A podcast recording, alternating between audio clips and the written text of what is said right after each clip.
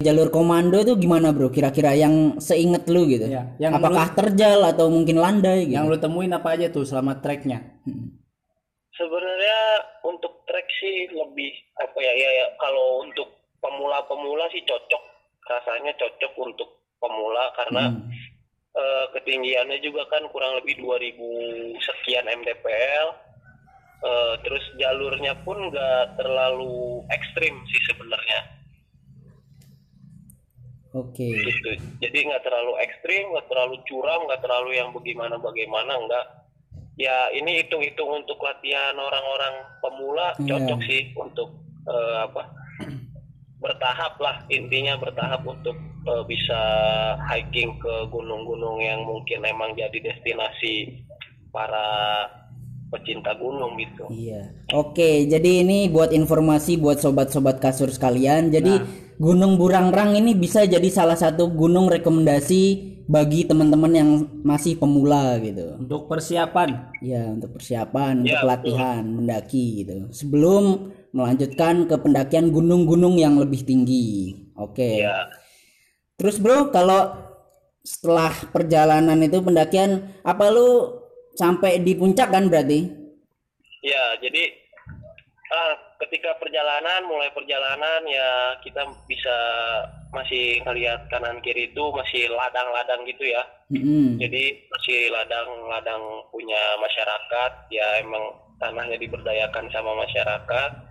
Makin ke atas ya terus kita nemu hutan pinus,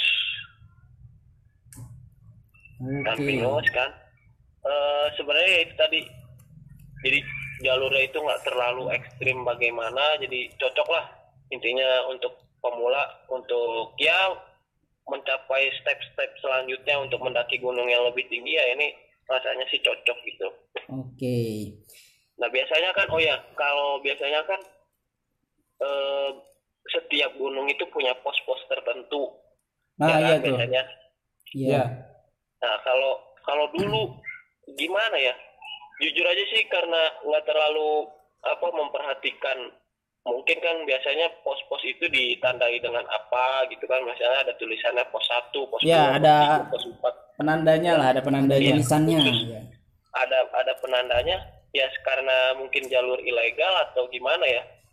Jadi waktu itu sih emang nggak nggak sempet melihat eh, tanda-tanda begitu maksudnya ada penanda oh ini kita udah nyampe pos satu oh kita udah nyampe pos dua gitu Oh, berarti lu nggak nemuin tanda-tanda, uh ini udah pos 1, pos 2, pos 3 gitu ya? Nggak ada ya? iya itu itu nggak nggak menemukan itu Tiba-tiba puncak gitu ya.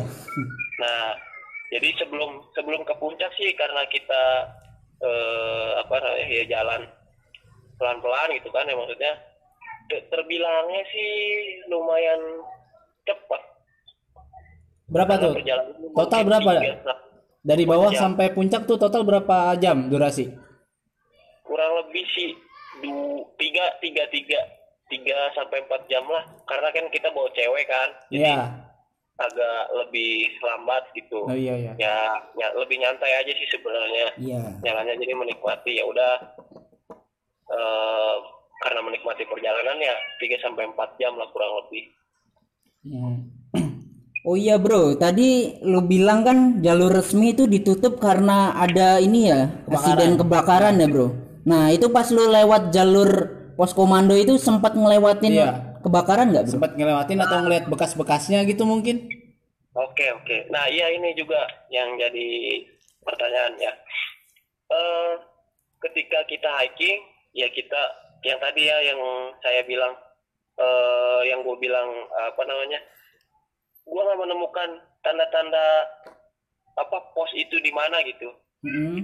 Jadi eh ya entah mungkin guanya nggak nge atau eh apa namanya ya karena emang nggak ngeliat atau gimana lah pokoknya karena emang nggak ngeliat tandanya sih sebenarnya lebih ke sana gitu Iya.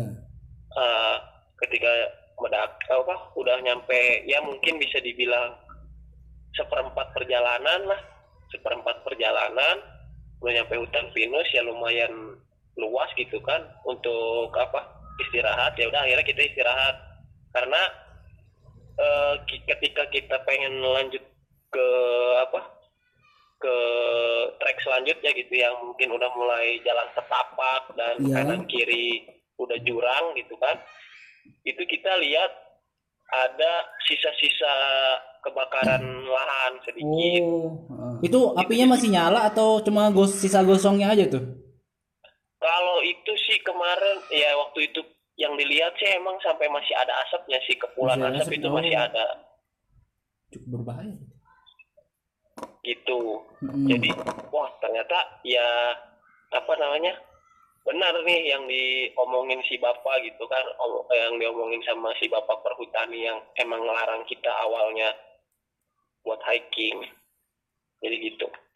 Jadi oh eh, apa membuktikan sendirilah omongannya mereka gitu omongan si bapak yang tadi udah ngasih tahu ke kita oh mas kayak kang ini ditutup untuk sementara karena ya ada kebakaran lahan tuh di atas gitu jadi untuk Oke. sementara ditutup sampai waktu yang belum ditentukan ya akhirnya kita kan bahasanya mungkin bandel Mm. temen-temen gua semuanya bandel ya udah Iya, akhirnya daripada balik lagi tanpa Hasil hasil ya dilanjut.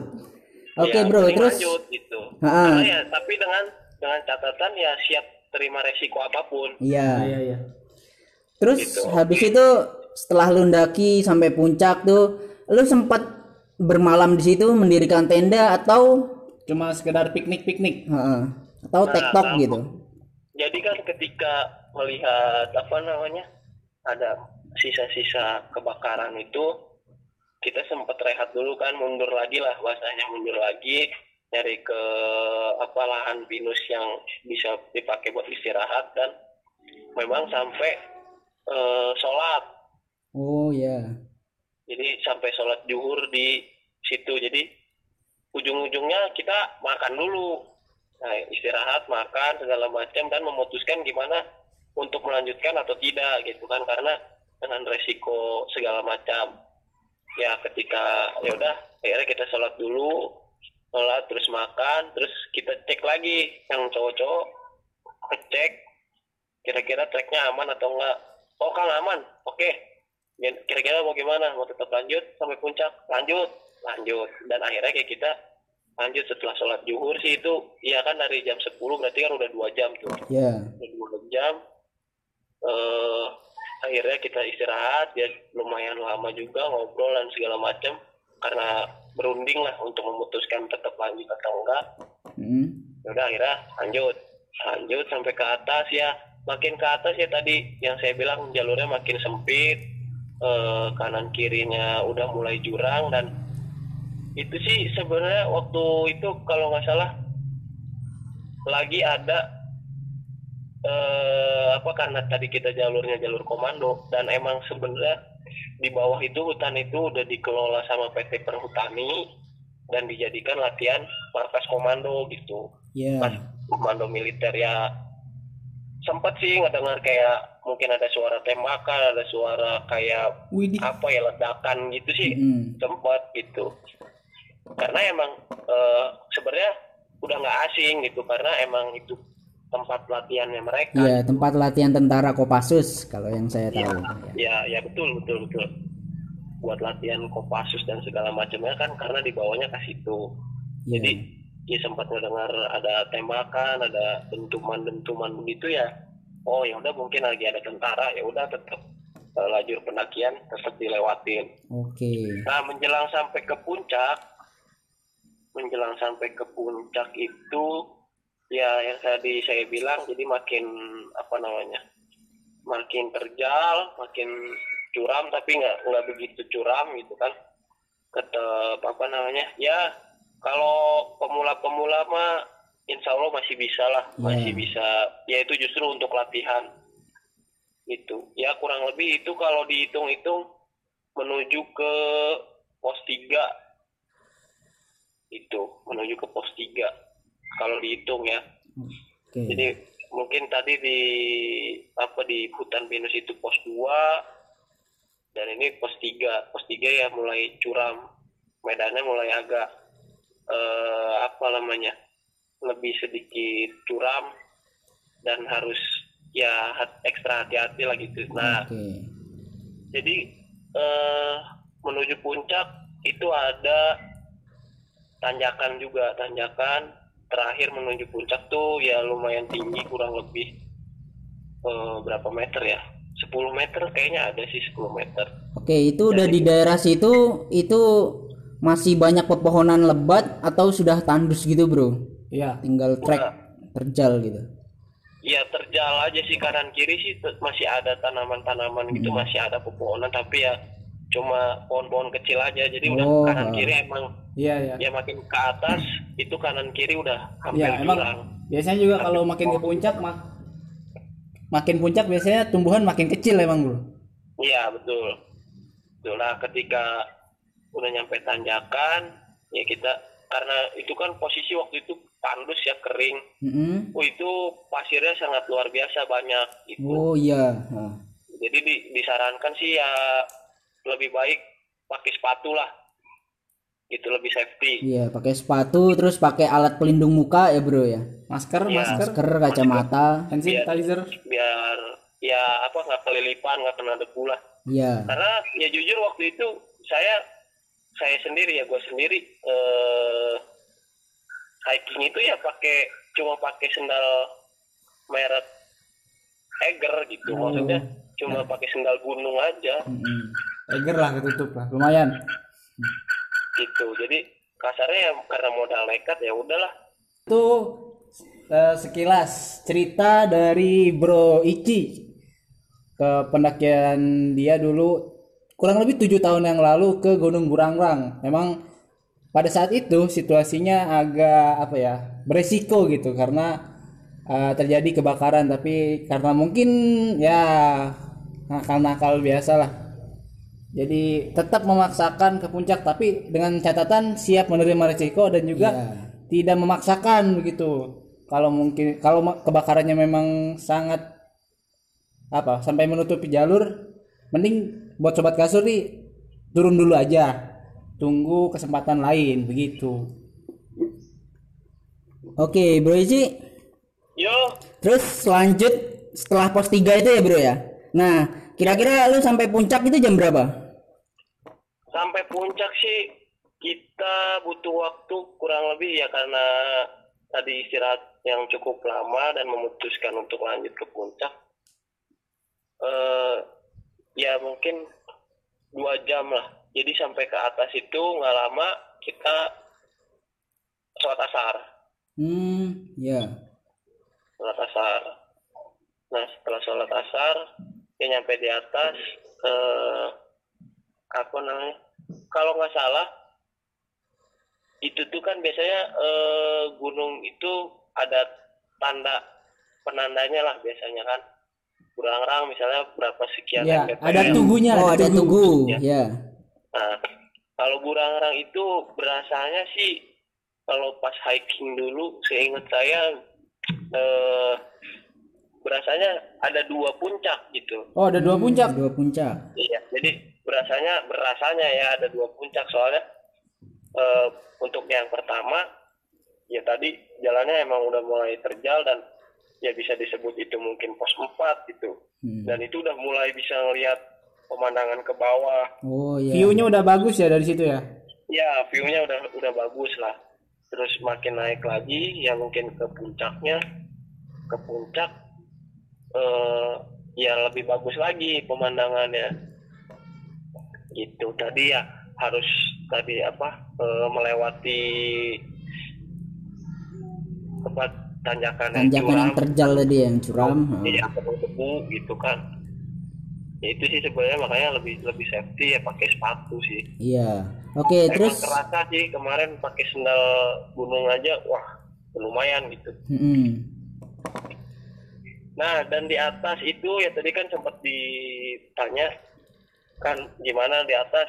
Kalau di atas sih sebenarnya untuk ngecamp itu tidak eh, apa ya mungkin tidak dianjurkan untuk membawa rombongan yang banyak Oh sebenarnya. iya. Karena apa? Karena eh itu lahan di atas itu lahan apa lapangnya gitu ya, yang lahan yang lapang itu minimalis. Iya, jadi areanya memang juga terbatas ya, Bro ya. Ya, betul. jadi karena emang terbatas jadi ya sebagaimana keputusan teman-teman saya dan eh, apa menyetujui itu akhirnya kita tektok Hmm, TikTok. ya tektok dengan segala resiko yang harus diambil Oke. tektok gitu. Jadi ya menikmati sempat menikmati eh, apa keindahan dari puncak. Ya alhamdulillah karena udah sampai puncak jadi dinikmati sholat sholat menikmati ya foto-foto dan segala macamnya. Eh, akhirnya kita turun. Oke, terus sampai di di kaki gunung lagi sekitar jam berapa itu, Bro? itu kurang lebih maghrib atau isya. Oh.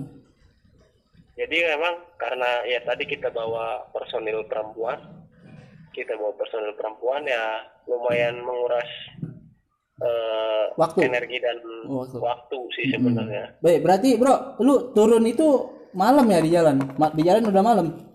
Ya jadi alhamdulillahnya kita eh, ketika udah mendekati kaki gunung itu emang udah gelap posisi, posisi udah mulai gelap. Eh, kalau kita dengar tadi nih dari ceritanya Bang Ici, dia TikTok dan apa nggak nginep lah istilahnya, cuman se- se- apa, sekilas menikmati pemandangan, mungkin makan-makan gitu ya Bro Panji. Iya. Jadi kalau dalam istilah pegunungan tuh istilah pendakian TikTok itu jadi daki sampai puncak setelah itu Turun, turun lagi. TikTok, bukan TikTok. Awas loh. Nah, eh, beberapa hal yang harus dinotis nih, dinotis di apa ya, ditandai lah kalau emang TikTok, stamina nya harus terjaga. Karena kita nggak ada jeda waktu untuk istirahat tidur di puncak atau di base camp perjalanan gitu ya, di shelter-shelter atau pos. Kalau emang niat mau tik- TikTok, TikTok gitu. Jadi persiapan fisik tuh harus lebih disiapkan lagi kalau emang sobat-sobat kasur ini pengen naik gunung bukan cuma Burangrang ya. Mungkin ada beberapa juga gunung-gunung yang masih ya 2000 mdpl bisa TikTok juga gitu. Fisik dan bekal. Tapi keuntungannya kalau emang sobat-sobat kasur main TikTok disarankan bawa bekal yang siap matang gitu ya. Yang matang siap makan aja gitu bro ya. Iya, benar sekali. Betul betul.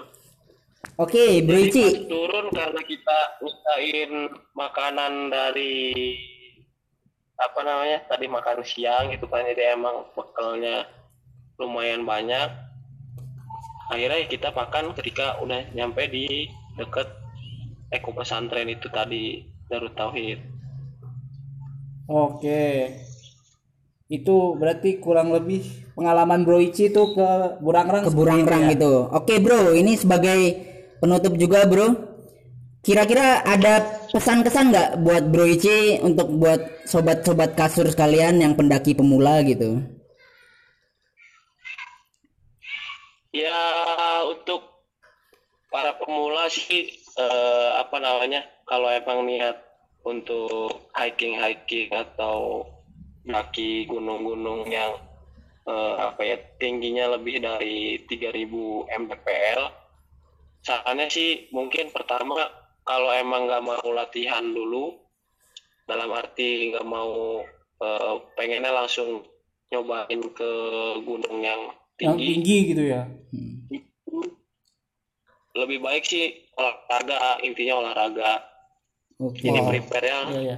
olahraga olahraga gitu jadi perkuat fisik aja dulu lah gitu perkuat Oke. fisik Em, kalau untuk mendaki gunung atau ya kan karena ini berurusannya mungkin dengan ya dengan alam gitu kan ya jadi jangan sembrono juga jadi orang Harus jaga sikap Bro ya, Iya. jaga sikap.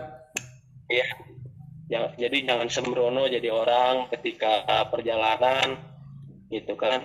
Dan jangan lupa minta restu dari orang tua. Jadi Oke. jangan Itu pesan terakhirnya ya, pesan terakhir bukan pesan terakhir. Ke, apa pesan buat sobat kasur yang ingin mendaki fisik sama izin ke orang tua jangan sampai bohong lah jangan sampai bohong karena izin orang tua penting ini percaya nggak percaya ya Iya. Oke, sobat-sobat kasur sekalian, itu tadi cerita dari salah satu teman kita, cerita dari salah satu senior kita tentang pendakian di Gunung Burangrang. Oke, setelah ini kita akan menyetelkan Nah ini, ini, sebuah ini, lagu. ini, ini. Lagunya kan karena tadi pesan terakhir itu izin ke orang tua. Kita akan putarkan sebuah lagu yang sangat filosofis karena berkaitan dengan kepatuhan kita kepada orang tua. Yaitu lagunya adalah judulnya apa bro? Judulnya Roma Irama dengan judul Keramat. Selamat mendengarkan. Cheerio.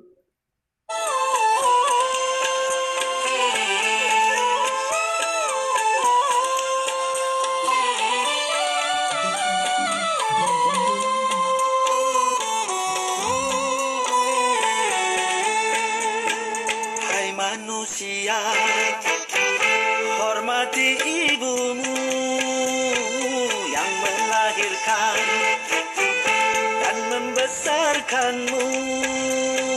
Darah dagingmu dari air susunya, jiwa ragamu dari kasih. Dialah manusia satu-satunya